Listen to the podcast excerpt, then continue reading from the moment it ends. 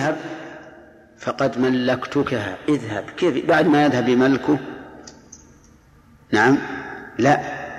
المعنى أنه ملكه ثم قال له اذهب. هذا هو معنى الحديث. قال بما معك من القرآن. ألبى هنا اختلف العلماء رحمهم الله فيها.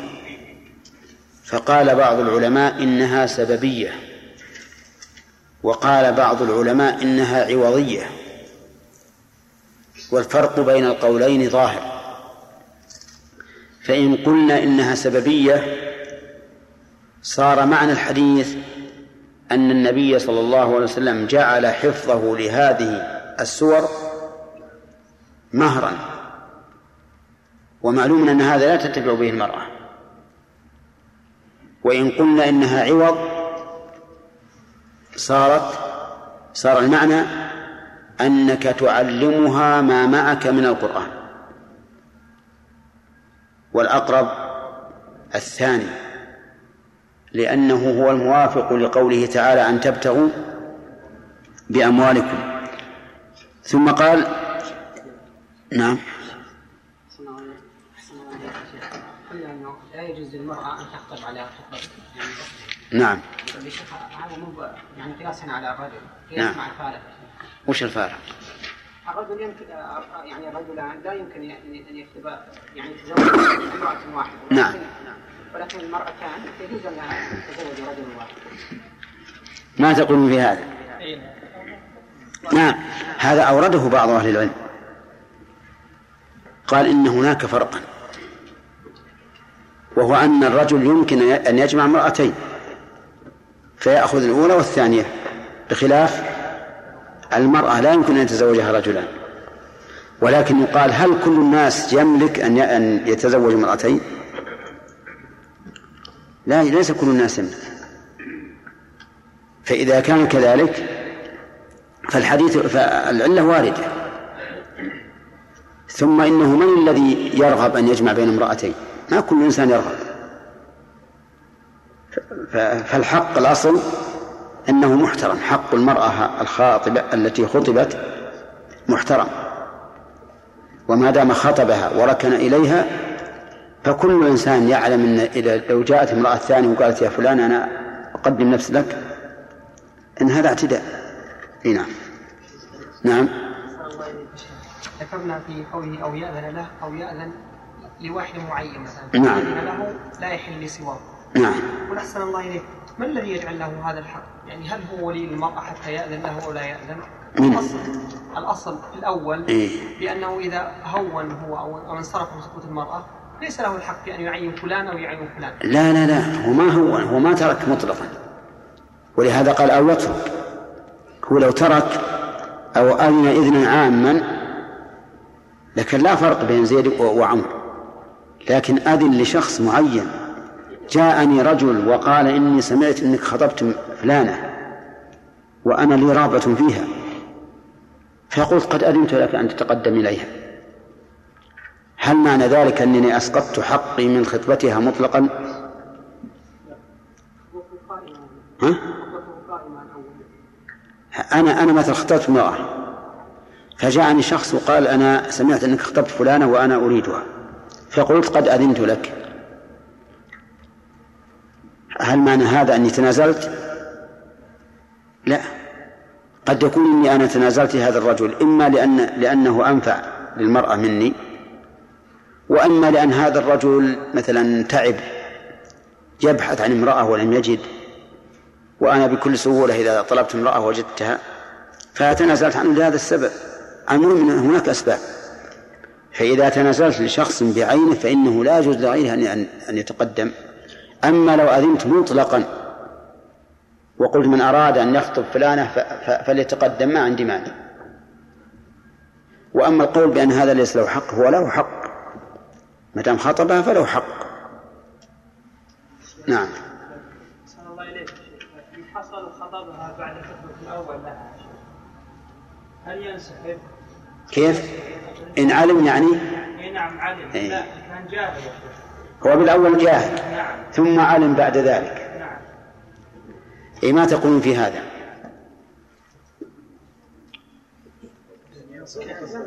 يعني رجل تقدم إلى خطبة امرأة ولم يعلم أن أحدا خطبها ثم علم أن فلانا خطبها هل يجوز أن يبقى على خطبته أو لا يجوز؟ نعم. والله هذه محل نظر. لأن الرجل تقدم تقدما مأذونا فيه. تقدم تقدما مأذونا فيه. وليس حراما. فإذا لم يكن حراما فما الذي يوجب أن أن نقول انسحب؟ والثلاثة الذين خطبوا فاطمة بن قيس ما ندري عاد هل علم أحدهم فيما بعد أن أن صاحبه متقدم عليه لأنهم لأنهم بالتأكيد والعلم عند الله أنهم ما جاءوا مرة واحدة أن بعضهم قد سبق بعضا. نعم. والله ما تحتاج إلى إلى إلى تأمل. أقول تحتاج إلى إلى تأمل هذا. نعم. عليان نعم. إيش؟ على إيش؟ لا لا ما يأثر الله أكبر. الله ها. في قول ثاني أي طيب. يلا خليل على خطبة أخيه هل يستفاد منه أنه يجوز أن يخطب على خطبة الذمي المسألة أولا قال أنه يجوز لأن الذمي ليس أخ له والأخوة في الدين فقط نعم. وقالوا الأفضل ألا يخطب عليه حتى تظهر سماحة الإسلام وعدله في ذلك يعني القائلون بأنه لا يجوز أن يخطب على خطبة الذمي بماذا يجيبون عن هذا الحديث؟ أن أن الأخوة في الدين إي لكن بماذا يجيبون عنه؟ إذا كان الأخوة في الدين معناها أن أن الذي ليس باخ ليس أخا لي في الدين يجوز أن أخطب على اخوه. نعم الذين يجوزون هذا أن هذا فيه سماحة سماحة الإسلام. أقول الذين يقولون إنه لا يجوز أن يخطب على خطبة الذم بماذا يجيبون عن هذا الحديث اخيه؟ لأن مفهوم الحديث إنه يجوز أن تخطب على خطبة الذم. أنه مخرج. لا طيب ما يخالف. نعم. لا أنه خرج مخرج الغالب. ما كان القيد فيه أغلبيا فلم أي نعم. أنه خرج مخرج الغالب. إن الغالب إن الذي يحول الرسول عليه الصلاة والسلام كله مسلمين. وما خرج مخرج الغالب فلا مفهوم له. هل لديك دليل أو مثال آخر يوضح أن ما خرج مخرج الغالب لا؟ لا مفهوم له؟ نعم. آه. قوله تعالى وربائبكم التي في حجوركم نعم. معنى الحكم لا يتعلق بالناس في حجره يعني أن الربيبة حرام على زوج أمها سواء في حجره أو لم أو ليس في حجره. إذن اللاتي في حجوركم خرجت مخرج الغالب. طيب. الحقيقة ما ناقشنا هذه المسألة لأنه ليس ليست موضوع البحث. لكن الآن نقول لو قال قائل الأصل في القيد أنه معتبر. وليس بلاغي. ماذا تقول؟ لو قال قائل اللاتي في حجوركم أنا لا أسلم أنه قيد أغلبي لا مفهوم له لأن الأصل في القيد أنه قيد معتبر يراعى فيه المعنى الذي تضمنه هذا القيد. نقول الدليل الجواب عن هذا أن الله لما قال ربائبكم اللاتي في حجوركم من نسائكم اللاتي دخلتم بهن قال فإن لم تكونوا دخلتم بهن فلا جناح عليكم وسكت عن قوله فإن لم تكن في حجرك فليس عليكم جناح. فلما بين حكم المفهوم من القيد الأول وسكت عن المفهوم للقيد الثاني علم أنه إيش؟ غير معتبر. وهذا واضح جدا. طيب إيه، متى يجوز يعني ذكرنا أن الخطبة على خطبة المسلم أقساما ثلاثة. أنها أقسام ثلاثة. نعم. يعلم أنه قبل نعم. يعلم أنه رد. نعم. لا يعلم لا ولا تمام. إن علم أنه قبل. بالاتفاق. إن علم أنه رد. فيجوز بالاتفاق. إن جهل بندر. ها قلنا فيها ثلاث حالات. نعم. غلب على ظنها أنه قبل. نعم. أو غلب على ظنها انه رد أو غلب على ظنها لا هذا ولا هذا نعم. فقلنا القول الصحيح نعم. أنه لا يجوز. أنه في كل الحالات. تمام. هذا هو الصحيح. طيب. الإسلام يراعي حقوق المسلم في عدة حالات. فهل لنا فهل لدينا شاهد على ذلك غير الخ- الخطبة على خطبة المسلم؟ النهي عن البيع على بيع أخيه. النهي عن البيع على بيع أخيه. وكذلك أيضا النهي عن سوم على سوم أخيه طيب. لماذا جعلت حقوق المسلم محترمة؟ خالد. نعم. ولئلا يقع البغضاء والعداوة بين المسلمين.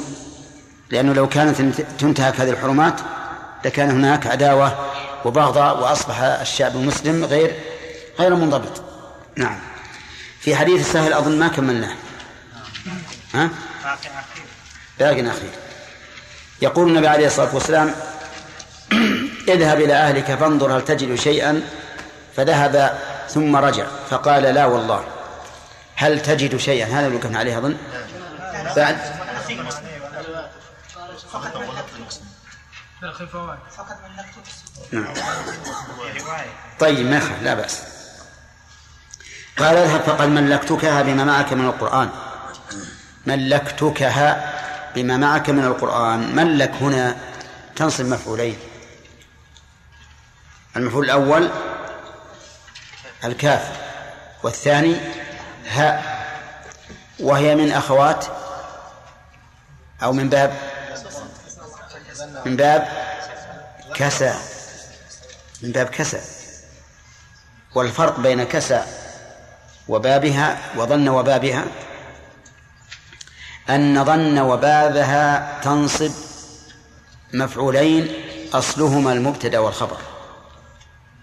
بمعنى أنك لو جردت الجملة عن العامل لصارت لصار الباقي مبتدأ وخبرا. تقول ظننت زيدا قائما. احذف العامل. زيد قائم. لكن كسوت عمرا جبة. احذف الفعل. عمرو جبة. يصلح؟ ما يصلح. طيب ملكتك. احذف ملكت. يصلح أنت إياها؟ ها؟ أو أنت هي؟ ما يصلح. طيب. يقول ملكتكها ويجوز في اللغة العربية أن يعبر فيقال ملكتك إياها. ملكت ملكتك إياها. نعم.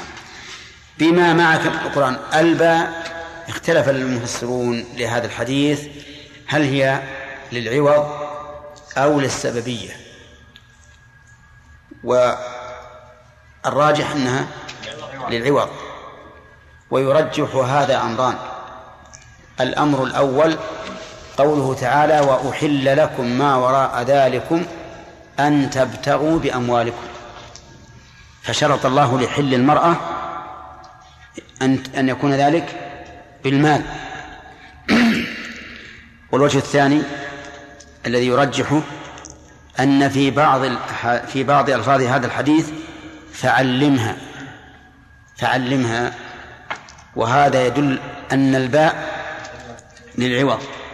وليست للسببية. نعم. وقول بما معك من القرآن متفق عليه واللفظ لمسلم. وهنا قال بما معك من القرآن. هل هذا مجهول؟ الجواب لا. لأنه قال بالأول معي سورة كذا وكذا. فبينها. وفي رواية قال قاله انطلق فقد زوجتكها فعلمها من القرآن. وفي رواية للبخاري أمكناكها بما معك من القرآن. يعني جعلناك متمكنا فيها بما معك من القرآن. وفي لفظ ثالث زوجتكها بما معك من القرآن. فالألفاظ مختلفة. وهذا الاختلاف لو ادعى مدع أنه اضطراب يوجب ضعف الحديث. فهل نسلم له ذلك؟ ها؟ لا. لماذا؟ لأن الألفاظ هنا لا تتعارض. لا تتعارض. والمضطرب شرطه أن لا يمكن الجمع أن يتعارض اللفظان ولا يمكن الجمع ولا الترجيح. فإن أمكن الجمع جمع. وإن لم يمكن أخذنا بإيش؟ بالترجيح. فإذا لم يمكن لا هذا ولا هذا فإننا حينئذ نحكم بالاضطراب والاضطراب لا شك أنه من أسباب ضعف الحديث. هو أحد هو أحد أسباب الطعن في الحديث. نعم إذن الحديث هنا ليس مضطربا. هذا الحديث فيه فوائد كثيرة. أخذ بعض العلماء منه أكثر من أربعين فائدة. أكثر من أربعين. ويمكن بعض العلماء لا يستطيع أن يستخرج منه عشرين فائدة. ويمكن من دون العلماء لا يستطيع أن يفهم إلا ست أو سبع مسائل فوائد. لأن الناس يختلفون في الفهم اختلافا عظيما. رب نص واحد يأخذ منه بعض العلماء فوائد كثيرة وآخرون لا لا يأخذون فوائد كثيرة. ولهذا قيل لعلي بن أبي طالب هل خصكم النبي صلى الله عليه وسلم بشيء؟ يعني من العلم. قال لا والذي فلق الحبة وبرأ النسمة إلا فهما يؤتيه الله أحدا في كتابه. فهذا لا حد له. وما في هذه الصحيفة. قال وما في هذه الصحيفة؟ العقل وفكاك الأسير وأن لا يقتل مسلم بكافر ثلاث مسائل. والباقي إيش؟ فهم. فهم يؤتيه الله من شاء. فتجد بعض الناس يأخذ من النص الواحد مسائل كثيرة وبعض الناس لا يأخذ. فلنعد هذه المسائل. أولا في هذا الحديث جواز نعم آه، في هذا الحديث أنه يجوز التحدث عن المبهم إذا لم يتعلق بتعيينه فائدة.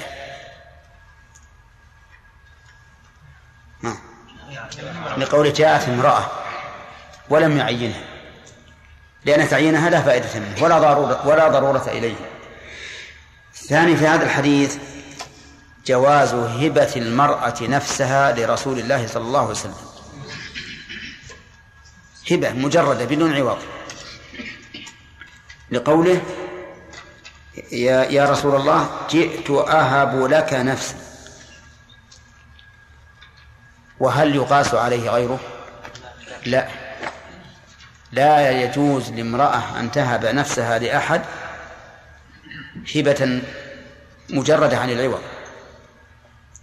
ودليل ذلك قوله تعالى يا أيها النبي إنا أحللنا لك أزواجك اللاتي آتيت أجورهن وما ملكت يمينك مما أفاء الله عليك وبنات عمك وبنات عماتك وبنات خالك وبنات خالاتك اللاتي هاجرن معك وامرأة مؤمنة. إن وهبت نفسها للنبي إن أراد النبي أن يستنكحها خالصة لك من دون المؤمنين. خالصة لك من دون المؤمنين. طيب فإن زوجت المرأة نفسها شخصا بدون مهر فالنكاح صحيح. وعليه مهر المثل. وحينئذ نقف هنا لنقسم هذه المسألة. القسم الأول أن يتزوج الرجل المرأة بمهر معين. مثل أن تقول أن يقول ولي المرأة زوجتك بنتي بمهر قدره عشرة آلاف. فهذا هذا جائز. ولا حرج فيه. بالاتفاق. وفي الحديث في آخره زوجتكها بما معك من القرآن. القسم الثاني أن يزوجها بدون تسمية المهر. نعم في قسم ثاني أن يزوجها بمهر معين لكنه غير معلوم. مثل أن يقول زوجتكها بما في يدك من الدراهم. وهو معه يد سرة من الدراهم قال زوجتكها بما في يدك من الدراهم. هذا أيضا جائز هذا جائز ولا يضر فيه الجهل وذلك لأن عقد النكاح ليس من عقود العوض التي يقع فيها تقع فيها المشاحة ويكون كل من العاقدين يريد الربح المالي عقد النكاح عقد متعة بقطع النظر عن عوضه. إذن هذا يصح. القسم الثالث أن يزوجها ويسكت فيقول زوجتك بنتي فيقول قبلت ولا يذكرون المهران فهنا يصح النكاح أيضا بالاتفاق. ويكون لها مهر المثل يكون لها مهر المثل القسم الرابع أن يزوجها ويشترط ويشترط الزوج ألا مهر له ألا مهر عليه. فيقول أنا قبلت النكاح لكن بشرط ألا مهر علي. فما الحكم؟ في هذه المسألة قولان للعلماء.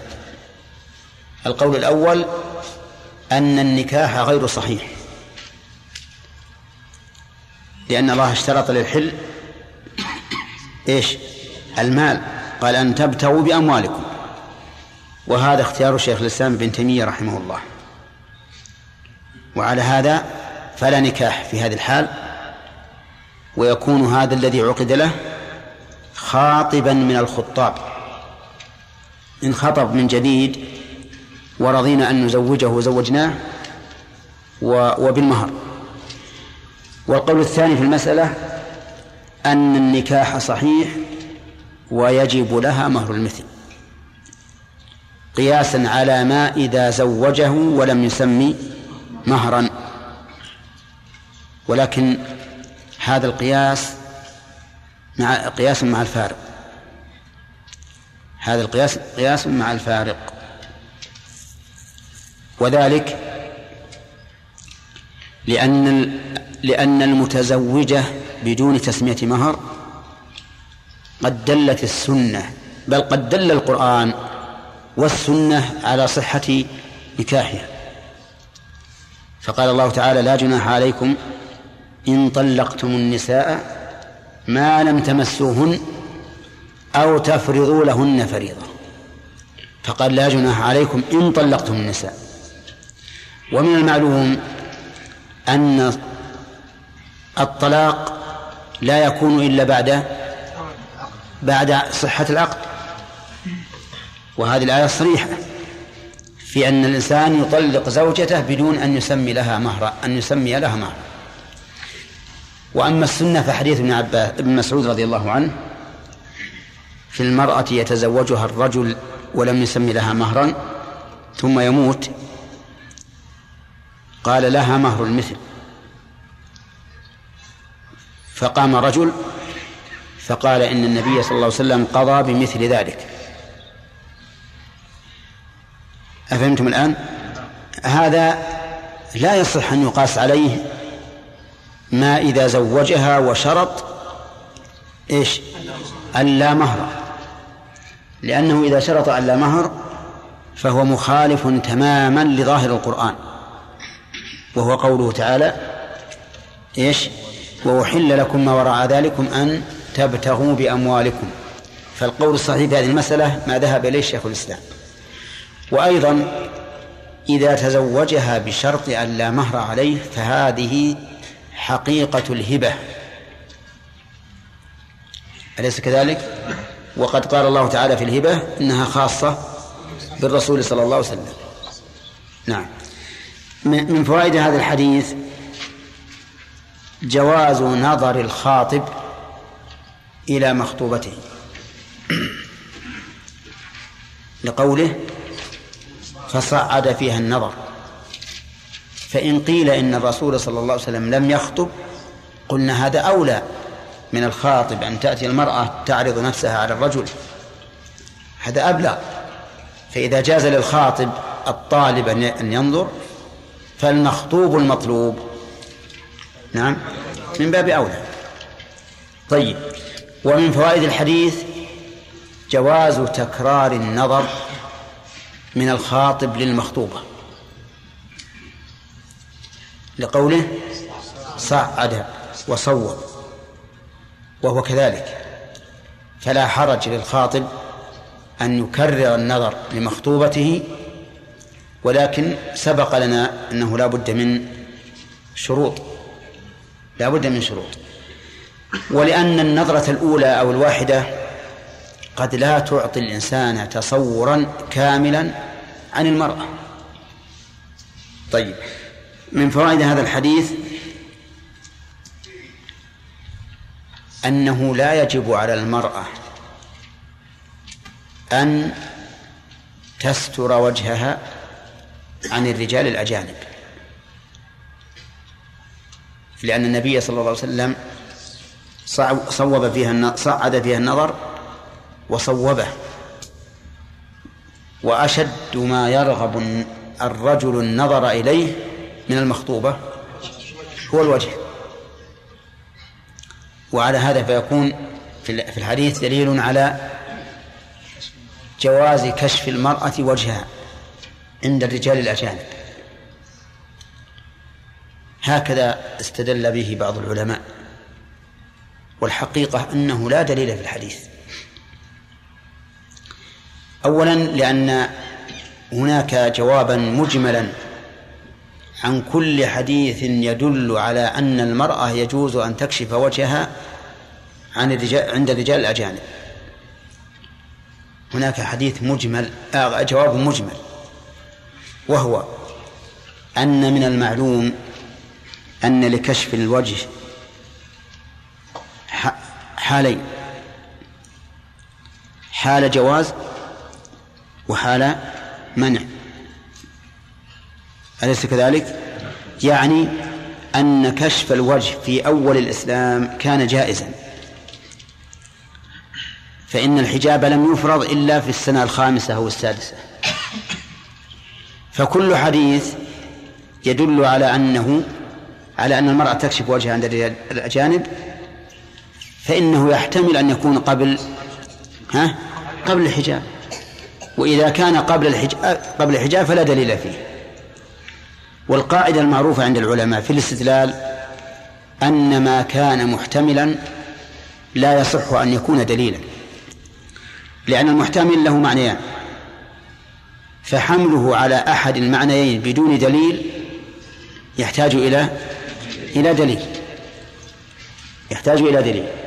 ولهذا قالوا إذا وجد الاحتمال بطل الاستدلال. فحينئذ نقول هذا الحديث حديث سهل. إن ثبت أن المرأة كاشفة وجهها فإنه محمول على ما قبل على ما قبل الحجاب. على أننا نمنع أيضا نمنع من كون هذا الحديث دالا على كشف المرأة وجهها. لأنه لا يلزم من تصعيد النظر وتصويبه أن تكون كاشفة.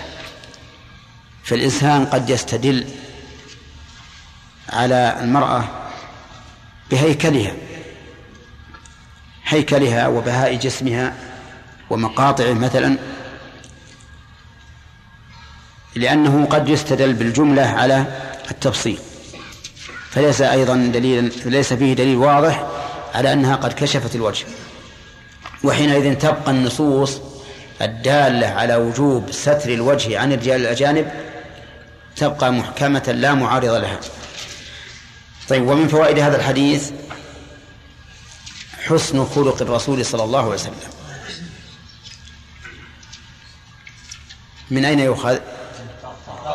من قوله ثم طأطأ رأسه وسكت. ما لم يقل لا أريدك وهو لا يريدها فلم يقل أنا قابل. ولكن من حسن خلقه أنه طأطأ رأسه هكذا وسكت. طيب ومن فوائد هذا الحديث حسن أدب هذه المرأة لأنها جلست ولم تتكلم ولم تزعل. كما يقول التعبير العامي ما زعلت وراحت مع أن المقام يقتضي أن تزعل. أن تزعل. جاء امرأة تهدي نفسها على رجل بين الناس ثم لا يقبل. لكن من أدبها رضي الله عنها وصبرها وتحملها أنها جلست لعل النبي صلى الله عليه وسلم يقبل. لا تدري لعل الله يحدث بعد ذلك أمرا. فجلست. ومن فوائد هذه هذا الحديث أيضا حسن أدب الصحابة رضي الله عنهم في مخاطبة النبي صلى الله عليه وسلم. من أين تؤخذ؟ ها؟ قول الرجل يا رسول الله إن لم يكن لك بها حاجة فزوجنيها. ما قال يا رسول الله زوجنيها؟ قال إن لم يكن لك بها حاجة.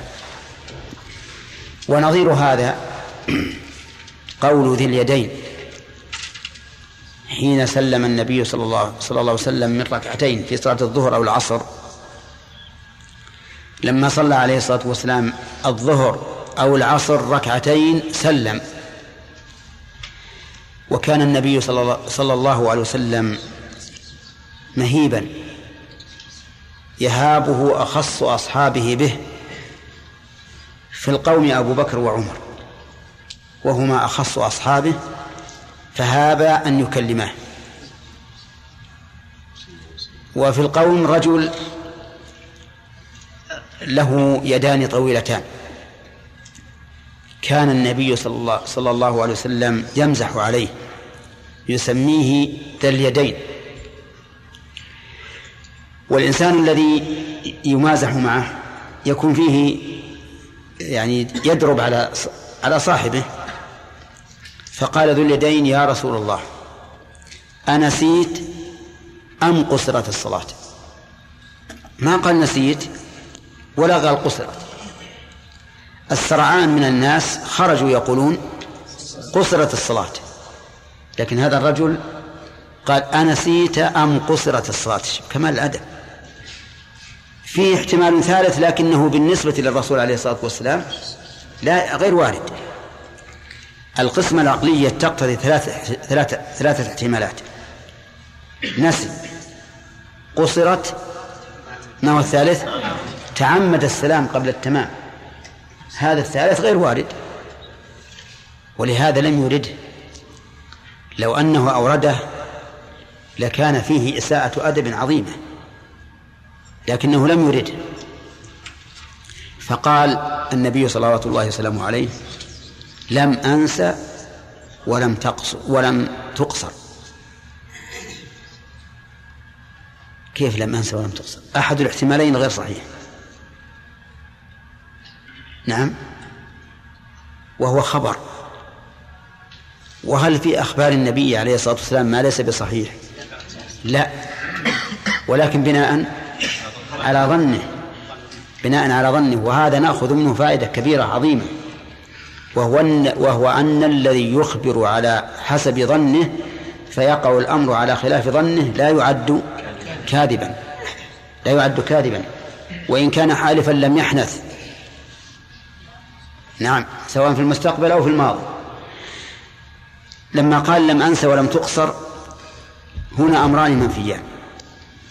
أمر محتمل وأمر غير محتمل لما جزم به الرسول عليه الصلاة والسلام. ما هو الغير محتمل؟ القصر. لما قال لم يقصر تعين الثاني وهو النسيان ولهذا قال له بلى قد نسيت. فتعارض عند عند النبي صلى الله عليه وسلم الآن تعارض ما في نفسه وما في نفس ذي اليدين. لأن النبي صلى الله عليه وسلم يعتقد أن الصلاة تامة وذو اليدين يقول إنها غير تامة. فاحتاج إلى حكم بينهما. فرجع إلى من؟ إلى الناس. قال أحق ما يقول ذو اليدين؟ قالوا نعم. فتقدم فصلى ما ترك. أنا أقول إن من رأى أدب الصحابة وجدهم على أكمل ما يكون من الأدب مع الرسول عليه الصلاة والسلام. ولهذا قال هنا يا رسول الله إن لم يكن إن لم تكن لك بها حاجة فزوجنيها. من فوائد الحديث أن النبي صلى الله عليه وسلم له أن يتزوج بلا ولي. له أن يتزوج بلا ولي. لأن المرأة لما قالت قد وهبت لك نفسي لم يقل أين وليك يزوجك وهو كذلك. له أن يتزوج بلا مهر وبلا ولي. وقد خصه الله تعالى بخصائص كثيرة في باب النكاح لأن هذا فيه مصلحة عظيمة. كل امرأة تتصل بالرسول عليه الصلاة والسلام سوف تحفظ لنا سننا كثيرة وعلما كثيرا في مسائله الداخلية. ولهذا أبيح له أن يتزوج ما شاء حتى نزل لا يحل لك النساء من بعد. طيب. ومن, ومن فوائده أيضا أن للنبي صلى الله عليه وسلم أن يزوج دون أن يرجع إلى الولي ها؟ لما قال الرجل زوجنيها ما قال لست بولي لها. ولا قال أين وليك. فدل هذا على أن النبي صلى الله عليه وسلم له أن يزوج دون الرجوع إلى ولي. نعم. وهو كذلك. لقوله تعالى النبي أولى بالمؤمنين من أنفسهم. وهو بهذه المرأة أولى من وليها إذا كان أولى بها من نفسها فهو أولى بها من من وليها. طيب. ومن فوائد هذا الحديث جواز المهر قليلا كان أو كثيرا. من أين يؤخذ؟ من كلمة شيء. وشيء نكرة في سياق إيش؟ هل عندك من شيء؟ ها؟ في سياق إيش؟ إيش اسمه يا جماعة. في سياق الاستفهام. والنكرة في سياق الاستفهام تدل على العموم. طيب. هل يشمل كل شيء وإن كان غير متمول؟ عند الظاهرية نعم. عند الظاهرية يشمل كل شيء وإن كان غير متمول. حتى لو قال زوجتكها على قشر بيضة. نعم؟ لأنه شيء. حتى لو قال زوجتكها على حبة شعير. لأنه لأنه شيء. ولكن هذا القول ضعيف جدا. لأن ما لا يتمول ليس بشيء. أليس كذلك؟ نعم. والدليل على على ضعف هذا القول قول الله تعالى وأحل لكم ما وراء ذلكم. إيش؟ أن تبتغوا بأموالكم. فلا بد أن يكون المهر متمولا. ثم هناك أيضا شيء دليل آخر وهو قوله تعالى وإن طلقتموهن من قبل أن تمسوهن وقد فرضتم لهن فريضة.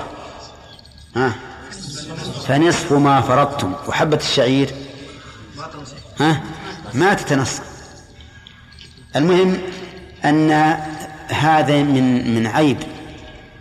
المستدل أن يأخذ بدليل واحد ويترك بقية الأدلة ولهذا يصعب كثيرا على الإنسان أن يخول لنفسه باب الاجتهاد دون أن يكون عنده سعة علم.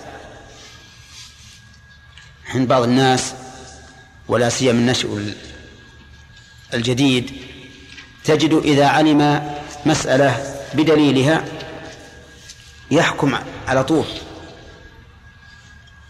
دون أن ينظر إلى بقية الأدلة. وهذا نقص لأن الأدلة الشرعية في الحقيقة كتلة واحدة لا تتجزأ. لا بد أن يكون عند الإنسان إلمام. ومن المعلوم أنه لا يمكن أن يلم بكل دليل لكن لا بد أن يكون عنده شيء. طيب. من من فوائد هذا الحديث جواز القسم بدون طلبه جواز القسم بدون طلبه نعم. من قول الرجل لا والله يا رسول الله. من قول لا والله يا رسول الله. مع أن النبي عليه الصلاة والسلام لم يطلب منه أن يقسم. لكن المقام يستدعي التوكيد. فلذلك أقسم الرجل. ومن فوائده جواز مخاطبة الكبير للشرف بلا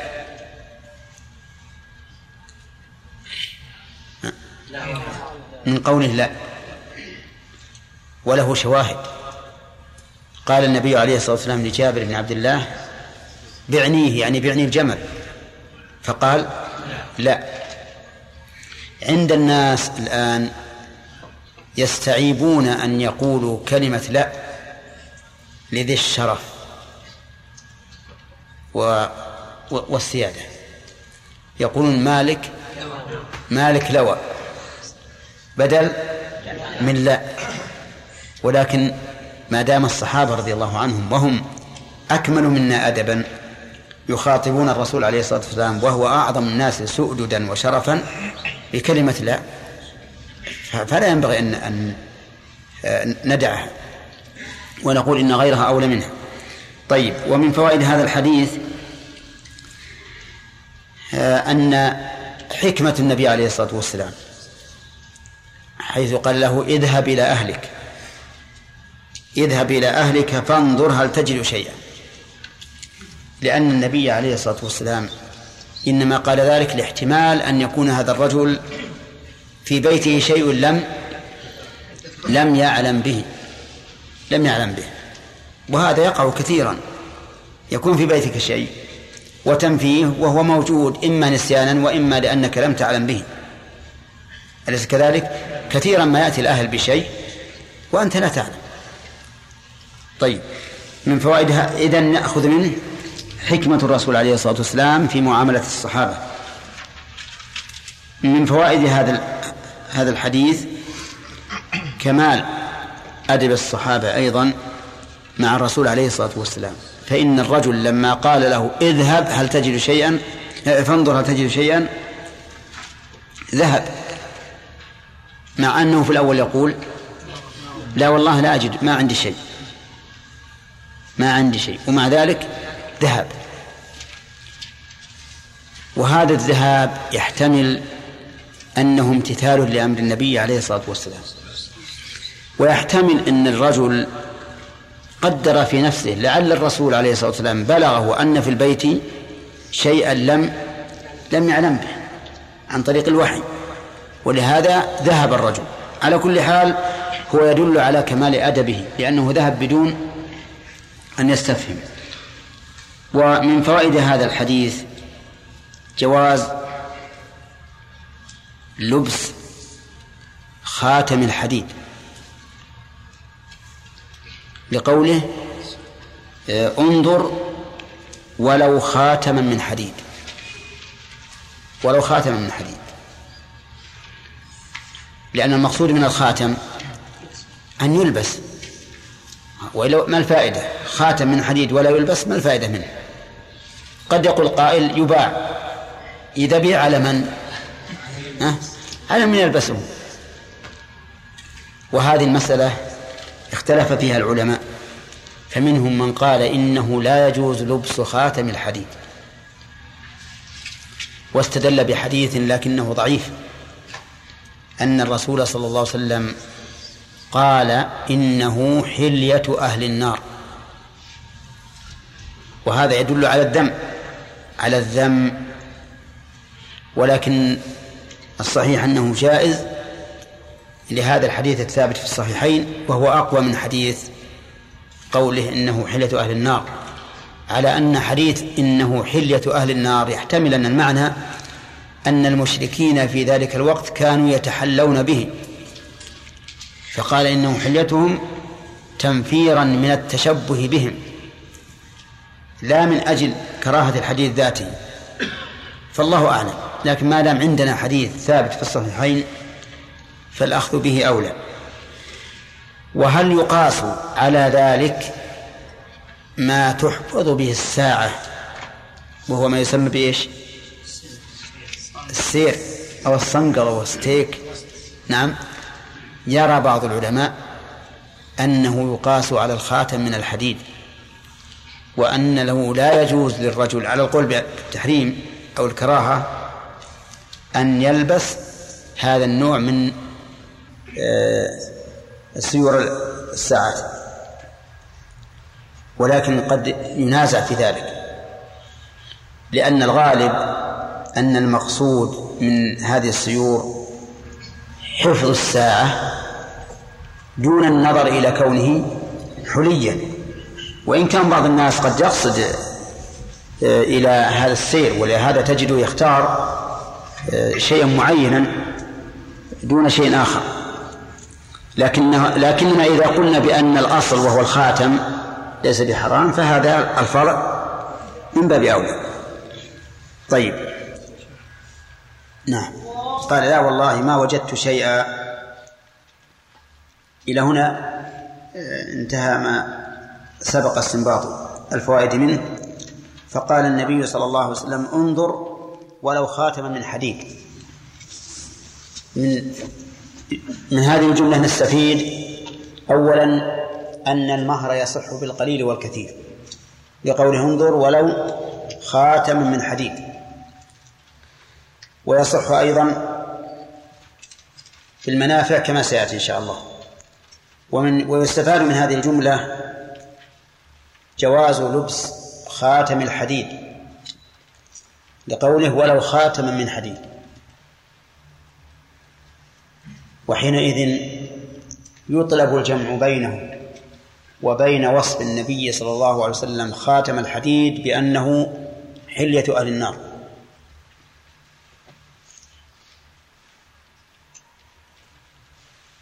والجمع إنما يطلب عند التقابل بالترجيح. وهذا الحديث كما رأيتم في الصحيحين. أما حديث إن الحديد إن خاتم الحديد حلة أهل النار فإن كثيرا من العلماء ضعفه وقال إنه لا يصح عن النبي صلى الله عليه وسلم. وحينئذ لا يكون لا يكون مقاوما لهذا الحديث الصحيح حتى يطلب الجمع. ومن فوائد هذا الحديث أنه يوجد في الصحابة الفقر العظيم بحيث إن الرجل لا يجد إلا ما يلبسه. يؤخذ من قوله ولكن هذا نعم من قوله ولا خاتما من حديد ولكن هذا إزاري ومن فوائد هذا الحديث أنه لا يجب ستر أعلى البدن. ووجهه أن هذا الرجل ليس له إزار ليس له رداء كما قال سهل ما له رداء. ويدل لذلك أيضا حديث جابر بن عبد الله رضي الله عنهما أن النبي صلى الله عليه وسلم قال في الثوب إن كان واسعا فالتحف به وإن كان ضيقا فاتزر به. وقد صلى جابر نفسه رضي الله عنه بإزار وكان رداؤه عنده يستطيع أن يلبسه. ومن فوائد هذا الحديث جواز القسم أو الحلف بلا استحلاف. لأن الرجل حلف دون أن يستحلفه النبي صلى الله عليه وسلم فأقره النبي صلى الله عليه وسلم. والنبي صلى الله عليه وسلم لا يقر على شيء محرم. ولهذا كان من أدلة الجواز إقرار النبي صلى الله عليه وسلم للشيء. كما كان العلماء رحمهم الله يستدلون بهذا على حل الشيء فيقولون هذا يفعل على عهد النبي صلى الله عليه وسلم. نعم. من فوائد هذا الحديث أيضا أن الإنسان لا يجوز أن يبذل الضرورات ضروراته لغيره. لقول النبي عليه الصلاة والسلام وإن لبسته لم يكن عليك منه شيء. لم يكن عليك منه شيء. وظاهر هذا الحديث هذه الجملة فيها إشكال. لقوله إن لبسته. وذلك أن الإزار للرجال لا يماثل إزار النساء. وإذا كان لا يماثله فإن لبس المرأة للإزار يكون تشبها بالرجال وتشبه النساء بالرجال من كبائر الذنوب لأن النبي صلى الله عليه وسلم لعن المتشبهات من النساء بالرجال. فماذا نقول عن ظاهر هذا الحديث؟ يمكن أن يجاب عنه بأن المراد بلبسها إياه استعمالها له سواء لبسته على هيئة ما يلبسه الرجل أو على هيئة أخرى كأن تجعله سراويل مثلا. لأن اللبس اللبس له وجوه متعددة شتى حتى إن أنس بن مالك رضي الله عنه لما ذكر زيارة النبي صلى الله عليه وسلم له ولأمه أو جدته مليكة ذكر أنه أخذ حصيرا. قد اسود من طول ما لبس من طول ما لبس. والحصير لا لا يلبس ولكنه يستعمل. فلبس كل شيء بحسبه. فإذا كان ظاهر هذا الحديث أن المرأة تلبس إزار الرجل فإنه يجب حمله على أنها تلبسه على وجه إيش؟ لا يماثل لبس الرجل له لئلا تقع في التشبه المنهي عنه أو المتوعد عليه باللعنة. ومن فوائد هذا الحديث أن الإنسان إذا صبر ظفر فإن هذا الرجل مكث وأطال القيام فلما قام جعل الله له فرجا. يقول فجلس الرجل حتى إذا طال مجلسه قام. ومن فوائد هذا الحديث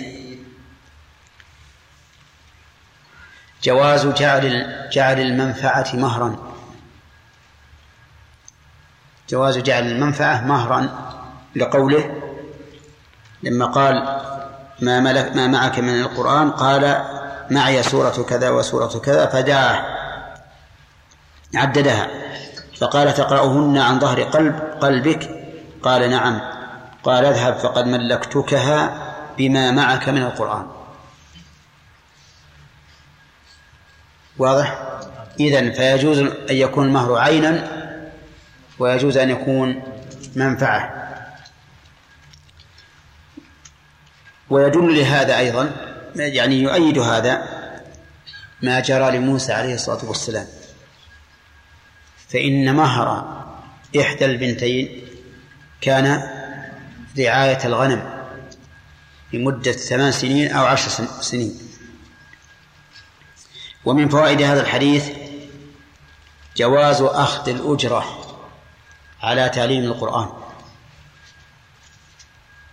جواز أخذ الأجرة على تعليم القرآن. واضح؟ نعم. لأن عوض هذا التعليم كان البضع والبضع لا يستباح إلا بالمال. لقوله تعالى وأحل لكم ما وراء ذلكم أن تبتغوا بأموالكم. ومن فوائده أيضا جواز جعل تعليم القرآن أجرة. جواز جعل تعليم القرآن أجرة. فهل هناك فرق بين هذه الفائدة والتي قبلها؟ نعم. إيش الفرق؟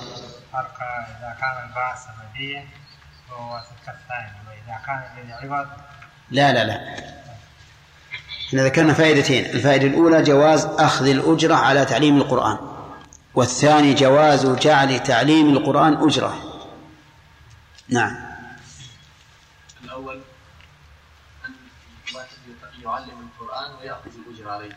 على التعليم. التعليم. نعم. والثاني يجعله أجرة مثلا كما واحد يعطي أو يزوج بنته وهو يجعل هذا القرآن مهرا لها. أو يعطي شيئا وهو يقابل في مقابله تعليم القرآن. يعني مثلا شخص قال عندي بيت. فقلت أجرني إياه بأن أعلمك القرآن. شخص أمي ما يعرف القرآن فقلت أجرني إياه بأن أعلمك القرآن. فهنا جعلنا تعليم القرآن نفسه نفسه أجرة. أما المسألة الأولى فإننا جعلنا من يعلم القرآن يأخذ عليه أجرة مال دراهم. ففرق بين المسألتين. طيب ذهب بعض أهل العلم إلى أنه لا يجوز أن يجعل أن يجعل تعليم القرآن مهرا. لا يجوز أن يجعل تعليم القرآن مهرا. واستدلوا بحديث ضعيف وهو أن النبي صلى الله عليه وسلم قال لن تكون لمن بعدك مهرا. لن تكون لمن بعدك مهرا. وهذا الحديث ضعيف. لا يصح. وعلى تقدير صحته فإنه يمكن أن أن يفسر قول لمن بعدك. إيش؟ أي بعد حالك. كما قلنا في حديث من؟ أبي بردة بن نيار. حين قال له النبي عليه الصلاة والسلام في الأعناق إنها لن تجزي عن أحد بعدك قال شيخ الإسلام ابن تيمية ليس المراد بعده في الزمن بل بعده في الحال والوصف. وذلك لأن الشريعة الإسلامية لا تعطي أحدا حكما لتعيين شخصه. لا تعطي يعني مثلا ما تعطي هذا حرام على زيد فقط لأنه زيد أبدا. لأن الأحكام الشرعية كلها معلقة بالوصف. والمعنى المقتضي لها. حتى خصائص الأنبياء عليهم الصلاة والسلام ليست خصائص لأعيانهم. فالنبي عليه الصلاة والسلام أعطي آيات بينات لأنه محمد بن عبد الله لأنه رسول الله لأنه رسول الله. وهذا الذي ذهب إليه شيخ الإسلام ابن تيمية هو الحق. أن الشرع لا يعطي شخصا بعينه حكما إلا لسبب عام أو لمعنى يقتضيه يشمل الحكم من شاركه في هذا المعنى. طيب.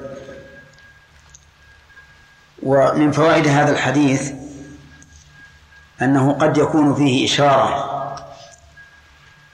إلى اشتراط القدرة على تسليم المهر. من أين؟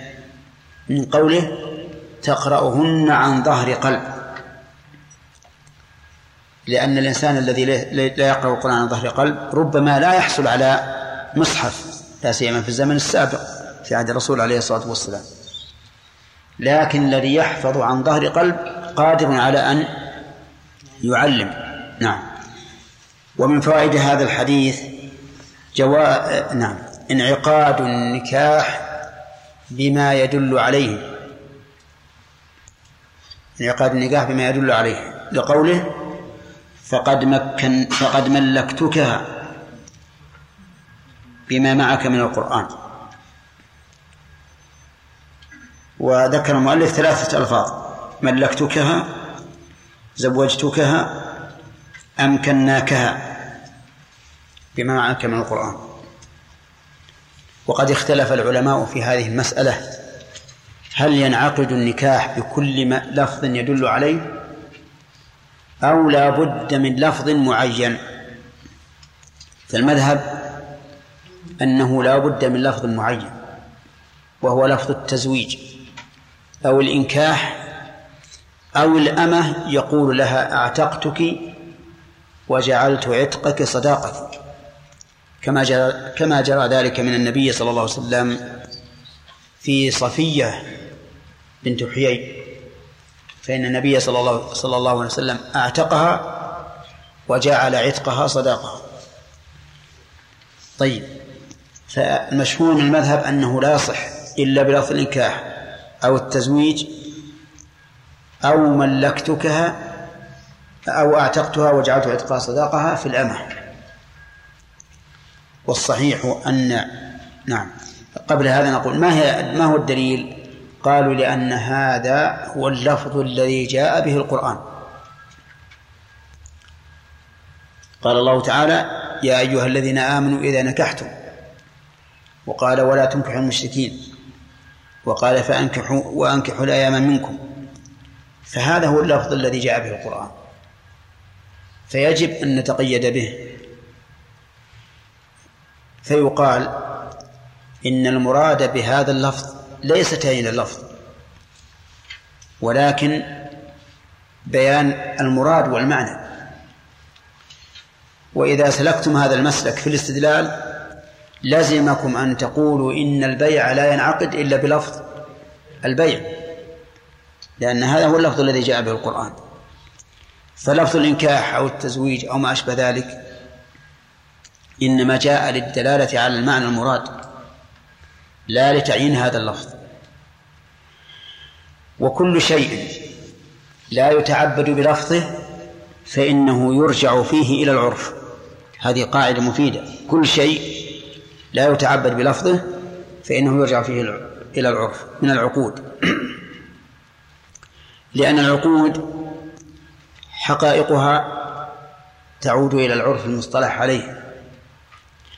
فالصحيح إذن أن عقد النكاح كغيره من العقود ينعقد بكل لفظ دل عليه سواء بلفظ التزويج أو الإنكاح أو بلفظ أعتقتك وجعلت عتقك صداقتي أو ملكتك بنتي أو جوزتك بنتي أو ما أشبه ذلك. ما دام هذا المعنى يحد ما دام هذا اللفظ يحدد المعنى فإنه ينع... فإنه ينعقد به النكاح. نعم.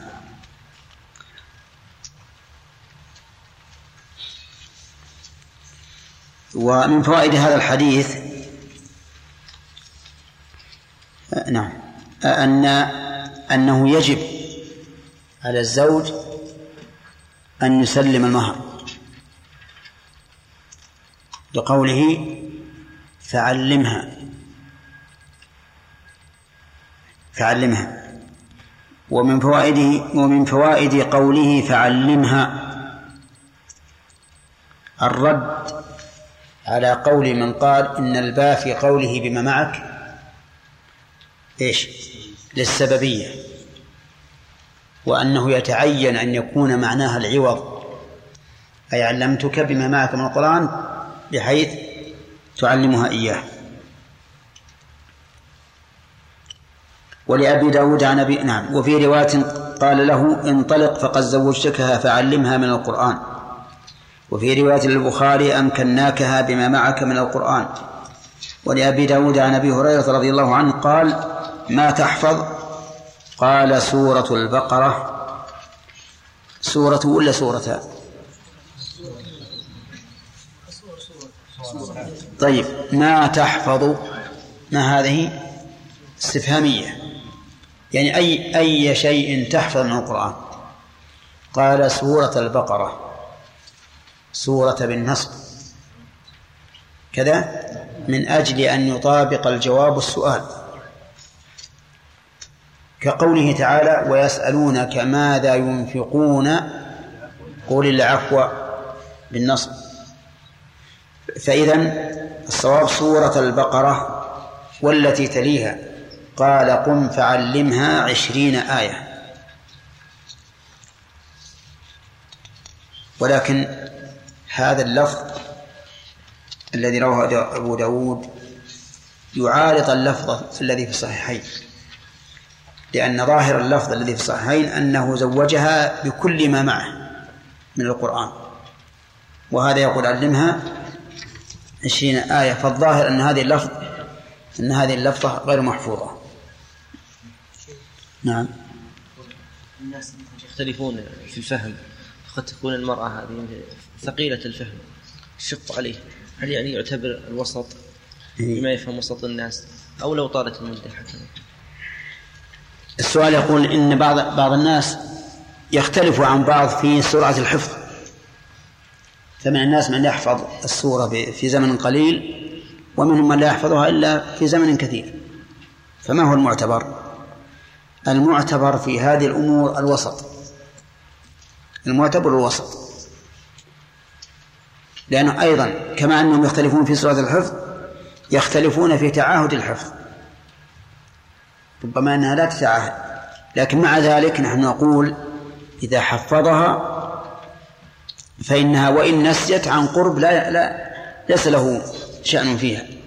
كما لو سلمها المهر دراهم ثم أضاعته أو أنفقته عن قرب نعم إذا قلنا أنه يا شيخ يصح أن يجعل القرآن مهرا اليوم نعم. هل يكون هذا الحديث مخصصا لقوله تعالى أن تنفقوا بأموالكم اي ما هو القرآن التعليم. التعليم عمل. عمل يصح أخذ العوض عنه. ولها نعم. أقول إن التعليم عمل والعمل يصح أخذ أخذ العوض عليه. فيكون مالا بخلاف بخلاف ما لو قلنا إن البال السببية وأن الرسول زوجه لأنه حافظ لما حفظ من القرآن فحينئذ يشكل على على الآية. كيف؟ نعم. كيف يكون العمل مالا؟ هو التعليم عمل؟ ما هو بالمعلم سوف يمضي وقت على حساب المعلم فهو كالأجير فهو كالأجير والأجرة مال يؤخذ عليه المال. نعم. إذا عقد على منفعة معينة فلم يستطع أن يفعل هذه المنفعة. نعم. إذا عقد على منفعة معينة ولم يستطع أن فإنها تقوم. وما يملك في هذه الحال.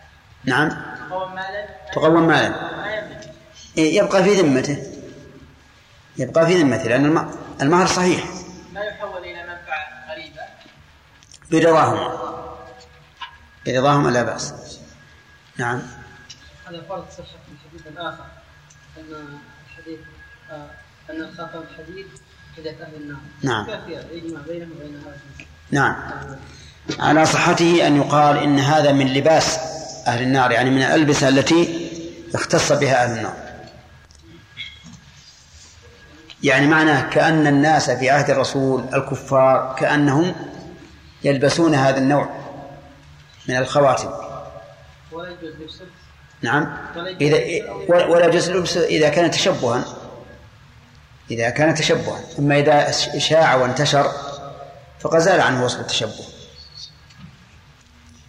نعم. نعم. إذا المرأة تنزل تنازلت عن حقها بعد البناء. عن جميع المهر نعم. إذا كان قبل البناء لا يجوز لها أن تهب نفسها ما الفرق بين المسألتين؟ هي الفرق؟ الفرق بين المسألتين أنه لما تزوجته على مهر صار دينا في ذمة الزوج.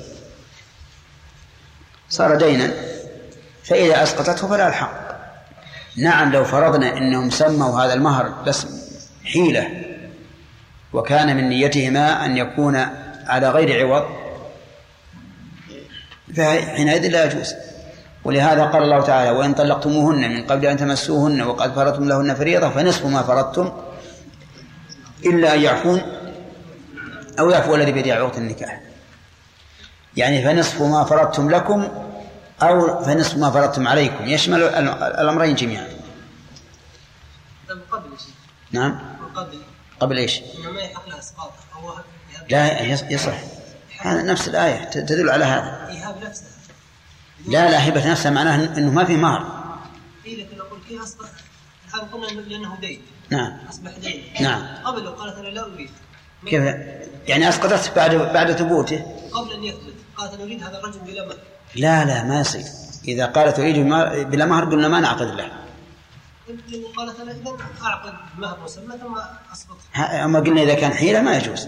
لكن ما هو متداخل الفرق الآن بين المسألتين. لا بينهم فرق. بينهم فرق ظاهر. لأنه إذا إذا عقد على مهر ثبت في ذمته. ولا يمكن أن أن يت- يتخلص منه إلا إذا أسقطت وهي رشيدة سقط. وعلى أصحابه ومن تبعهم بإحسان إلى يوم الدين.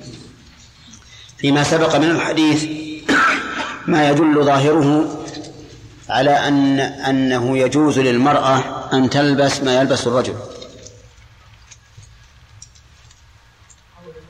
ما تصنع ميزان لا تستمر على شيء ولا تدخل عليكم شيء مم. كيف نجيب عن هذا الظاهر مع أن الرسول نهى عن تشبه الرجل بالمرأة والمرأة بالرجل؟ جاء في الحديث بأن النبي صلى الله عليه وسلم قال ما تصنع بإزارك قال اشترط ان تلبسه ما يعني أو لحافه يعني يح- يحمل قول لبست يعني على وجه جائز. طيب. اختلف العلماء في قوله بما معك من القرآن على وجهين. القول الأول أن الباء للسببية. أي يعني يعني بسبب ما عندك من القرآن. و- يعني أنك حافظ للقرآن فزودناك به والثاني؟ عوض. أن الباء للعوض. والمعنى؟ معنى أن أن يعلمها أن يعلمها ما معه من القرآن. طيب. أيهما أرجح يا العامر؟ الب- أن الباء العوض العوض يكون ما وجه الرجحان؟ أنه يكون مهرا لكن ما وجه الرجحان من من الحديث؟ قال فعلمها. قوله فعلمها وهذا يدل على أن الباء للعوض. طيب. فيه أيضا تعليل؟ نعم. يعني هذا دليل يرجح أن أن الباء للعوض فيه تعليل أيضا.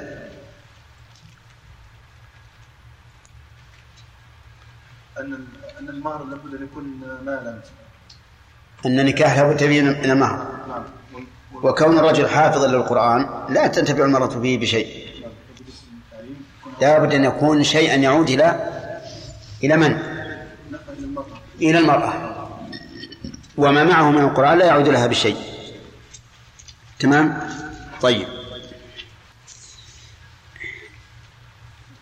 طيب في الحديث دليل على جواز لبس.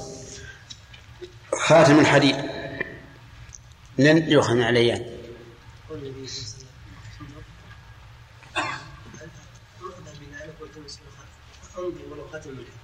إيه. ولو خاتما ما وجه الدلالة؟ نعم. النبي صلى الله عليه وسلم قال التمس ولو خاتم انظر ولو خاتم من حديد اي طيب. وش وجه الدلالة؟ على جواز لبس خاتم الحديد. انه انه ما دام ان الرجل عنده خاتم من حديد لابد ان يستعمله. يعني لو كان لا يجوز لبسه ما صح أن يكون مهرا إذ لا فائدة منه حينئذ. أو ما يخالف المرأة معلوم المهر للمرأة لا أقصد الخاتم. ها؟ الخاتم. نحن استدلنا بهذا على على جواز الحديد للمرأة ولا الرجل؟ نعم نعم. للرجل أو للمرأة؟ للرجل وللمرأة. المرأة الدليل واضح. لكن أقصد الماء الرجل. إيه؟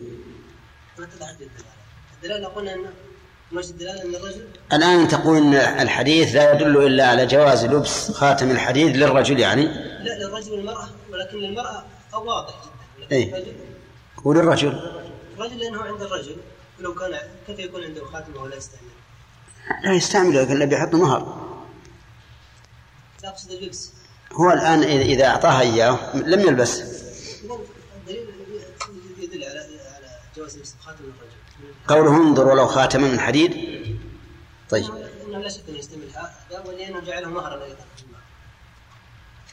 ما مضطرب. جواب مضطرب يا عليان نعم. من يحرر الجواب؟ نعم سليم. أمر الرسول صلى الله عليه وسلم يدل على أن الفائدة فائدة خاتم الحديد للمراه ما يعني أن تقول إذن فيه دليل على جواز لبس المرأة الخاتم من الحديد أمر الرسول صلى الله عليه وسلم لا الرجل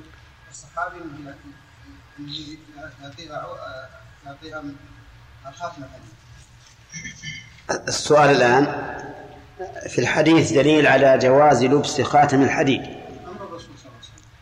يعني انظر ولو خاتما. ما وجه الدلالة؟ لو خاتم من نقدر لفظ الرسول صلى الله عليه وسلم. أنا نحفظ إيه. طيب. الغالب في السماء الخاتم أنه يلبس. ومن كان اتخذه لأجل أن يكون مهرا. هذا ما لم يدل عليه الدليل إنه اتخذه اولا حتى يكون مهرا. يعني لو لم يلبس فما الفائدة منه؟ إذن هذا دليل على أنه يلبس. لكن لو قال قائل الذي يريد أن يلبسه هي المرأة. فهو دليل على جواز لبس النساء لخاتم الحديد. والرجل قد قال الرسول هذه حلية أهل النار في خاتم الحديد. اصل الحديث هذا فيه ضعف وعلى تقدير صحته ذكرنا انه إن كانت عاده أهل الكفار في هذا الوقت أنهم يلبسون هذا الخاتم. فلما فكان وجه النهي عنهم التشبه بهم. التشبه كانوا من شعارهم يعني. فإذا زال وجه الشبه والتشبه وصار المس- الأمر يعتاده الناس فلا محظور في لبسه نعم. طيب.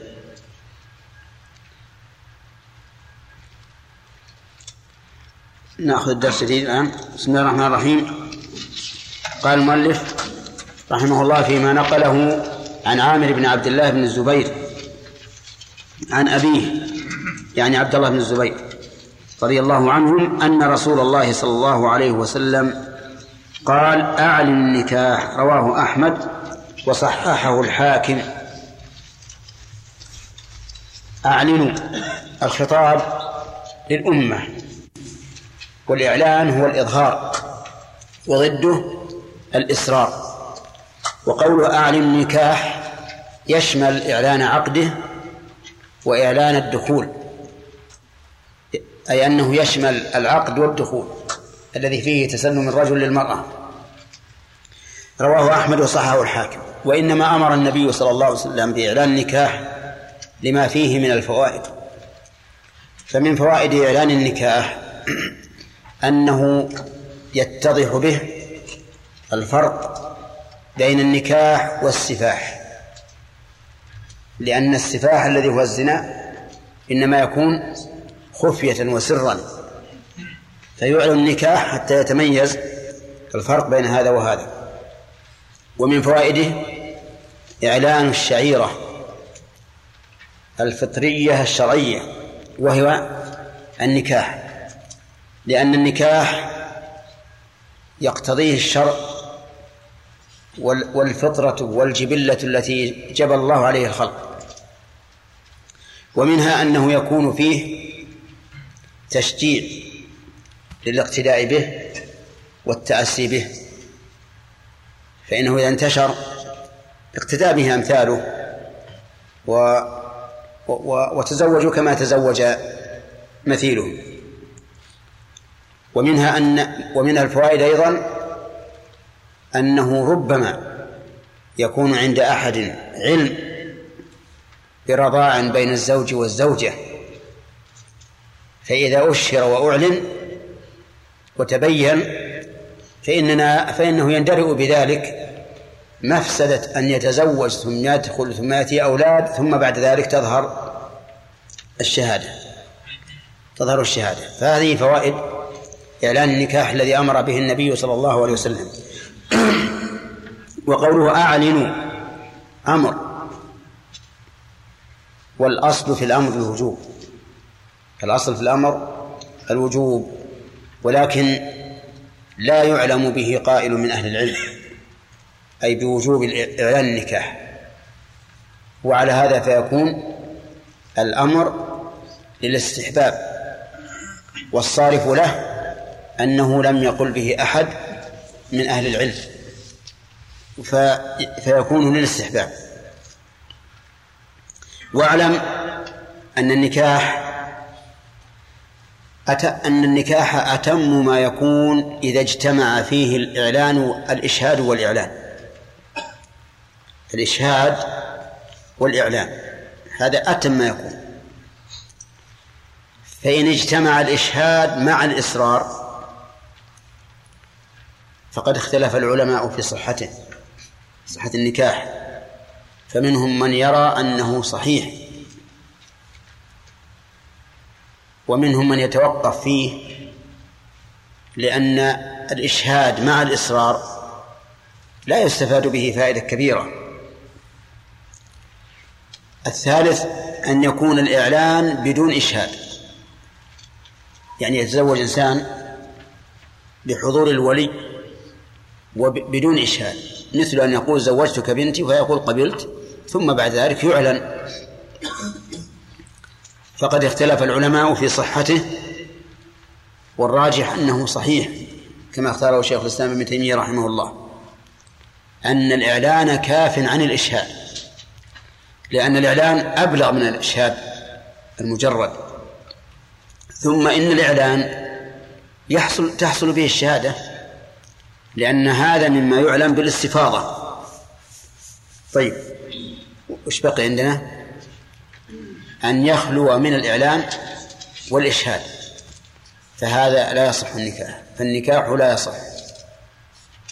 لأنه فقد فيه الإشهاد الذي به يثبت النكاح والإعلان الذي به يظهر النكاح. فهذه أربعة أقسام في مسألة الإعلان والإشهاد.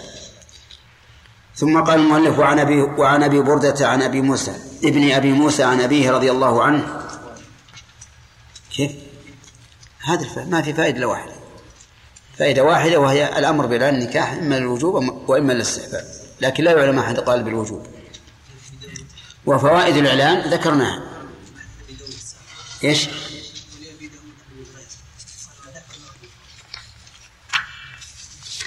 كيف؟ لا أخذنا شرحناه. ما في فوائد. وعن أبي وعن أبي بردة عن ابن أبي موسى عن أبيه رضي الله عنه قال قال رسول الله صلى الله عليه وسلم لا نكاح إلا بولي. رواه أحمد والأربعة وصححه ابن المديني والترمذي وابن حبان وأعل بالإرسال. نعم. قوله عليه الصلاة والسلام لا نكاح. إلا بولي. النفي هنا ليس نفيا لوجود النكاح. لماذا؟ لأنه قد يوجد النكاح بلا ولي. قد تزوج المرأة ولي نفسها. فإذا كان فإذا تعذر أن يكون النفي نفيا للوجوب للوجود يحمل على نفي الصحة. لأن انتفاء الصحة عدم شرعي. وقولنا بالأول نفي الوجود يعني الوجود الحسي فالأصل في النفي أن نفي الوجود الحسي فإن لم يمكن انتقلنا إلى نفي الوجود الشرعي الذي يعبر عنه العلماء بنفي الصحة. فإن لم يمكن يعني بأن دل الدليل على صحة هذا المنفي. بالنص يعني دليل من النص أو من الإجماع صار النفي نفيا ها؟ للكمال. طيب. نأتي إلى هذا الحديث لا نكاح إلا بولي. نقول نفي الوجود ها؟ لا. ليش؟ لأنه قد يوجد. قد تزوج المرأة نفسها بلا ولي. نفس الصحة؟ نعم. نفي الصحة. نفي الكمال؟ لا. لأنه متى أمكن حمل النفي على نفي الصحة؟ كان ذلك هو الواجب لأنه الأصل في النفي. لأنه الأصل في النفي. طيب. إذا لا نكاح يصح إلا بولي أي بولي يتولى عقده والولي هو القريب. ويشترط أن يكون عاصبا يعني القريب من العصبة. أما ذوي الأرحام والإخوة من الأم فليسوا من من, من الأولياء. المراد بالولي العاصب. نعم. طيب. وقول عليه الصلاة والسلام لا نكاح إلا بولي. نقول إن الحكمة من ذلك في أنه لا نكاح إلا بولي هو أن الولي عنده من المعرفة في الأمور ومن بعد النظر ما ليس عند المرأة. ثانيا عنده من التأني وعدم الاندفاع ما ليس عند المرأة. أما المرأة فهي قاصرة النظر قريبة النظر كل إنسان يخدعها إما بمظهره أو بلين كلامه أو ما أشبه ذلك فتنخدع وتقع في الهلكة وهي لا تشعر. ولهذا كان من رحمة الله عز وجل بالمرأة أن لا تزوج نفسها وأن لا يزوجها إلا إلا الولي. نعم. ثم إن قوله لا نكاح إلا بولي. يفيد من فوائد الحديث أولا عدم صحة النكاح بغير ولي. فالولي إذن شرط في صحة النكاح. ويدل لاشتراطه قول الله تبارك وتعالى ولا تنكحوا المشركين حتى يؤمنوا. تنكحوا. فأتى بالفعل الرباعي. ولم يقل ولا تنكحن المشركين. وانظر إلى أول الآية ماذا قال فيها؟ ولا تنكحوا المشركات حتى يؤمن لأن الرجل ينكح ينكح المرأة بنفسه. أما المرأة فلا تنكح نفسها. ولهذا قال ولا تنكحوا يعني لا تنكحوا المؤمنات المشركين حتى يؤمنوا. فأضاف الإنكاح إلى غير الناكح. طيب. أو إلى غير المنكوح. ومما يدل على ذلك أيضا قوله تعالى وأنكحوا الأيام منكم والصالحين من عبادكم وإمائكم. أنكحوا الأيام يعني اللاتي ليس لهن أزواج. والصالحين من عبادكم يعني الأرقة فإن الرقيق يزوجه سيده. فهنا أضاف الإنكاح إلى غير المنكوحة. فدل هذا على أنه لا بد من الولي ثالثا قوله تعالى ولا تعضلوهن أن ينكحن أزواجهن. ووجه الدلالة أنه لو لم يكن الولي شرطا لم يكن لعضله أثر. أليس كذلك؟ لأنه إذا عضل إذا منع ها؟ زوجت نفسها ولا تبالي. فلولا أن الولي شرط ما كان لعضله أثر حتى ينهى عنه. فهذه ثلاث آيات من القرآن بالإضافة إلى هذا الحديث. والحكمة من ذلك ما أشرنا إليه آنفا أن المرأة قاصرة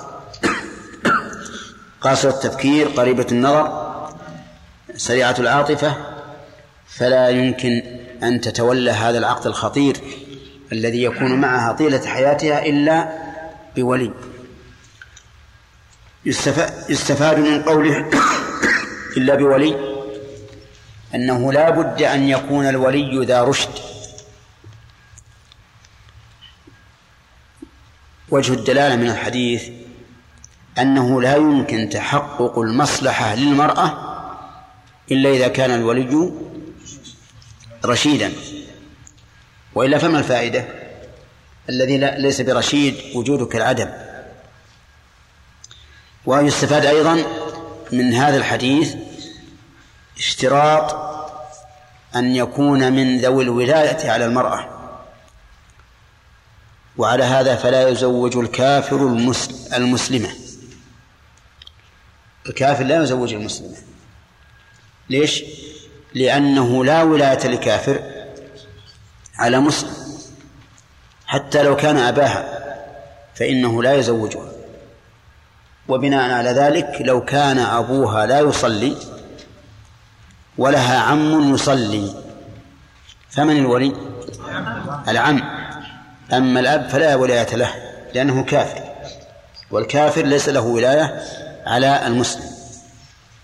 ويستفاد من الحديث أنه إذا اجتمع وليان فأكثر قدم الأولى منهما وهو الأقرب لأن نحن قلنا الولي القريب. قدم الأقرب.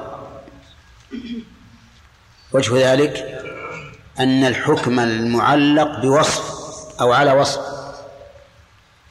يكون أقوى باعتبار قوة ذلك الوصف. كل حكم معلق على وصف فإنه يقوى بحسب قوة ذلك الوصف.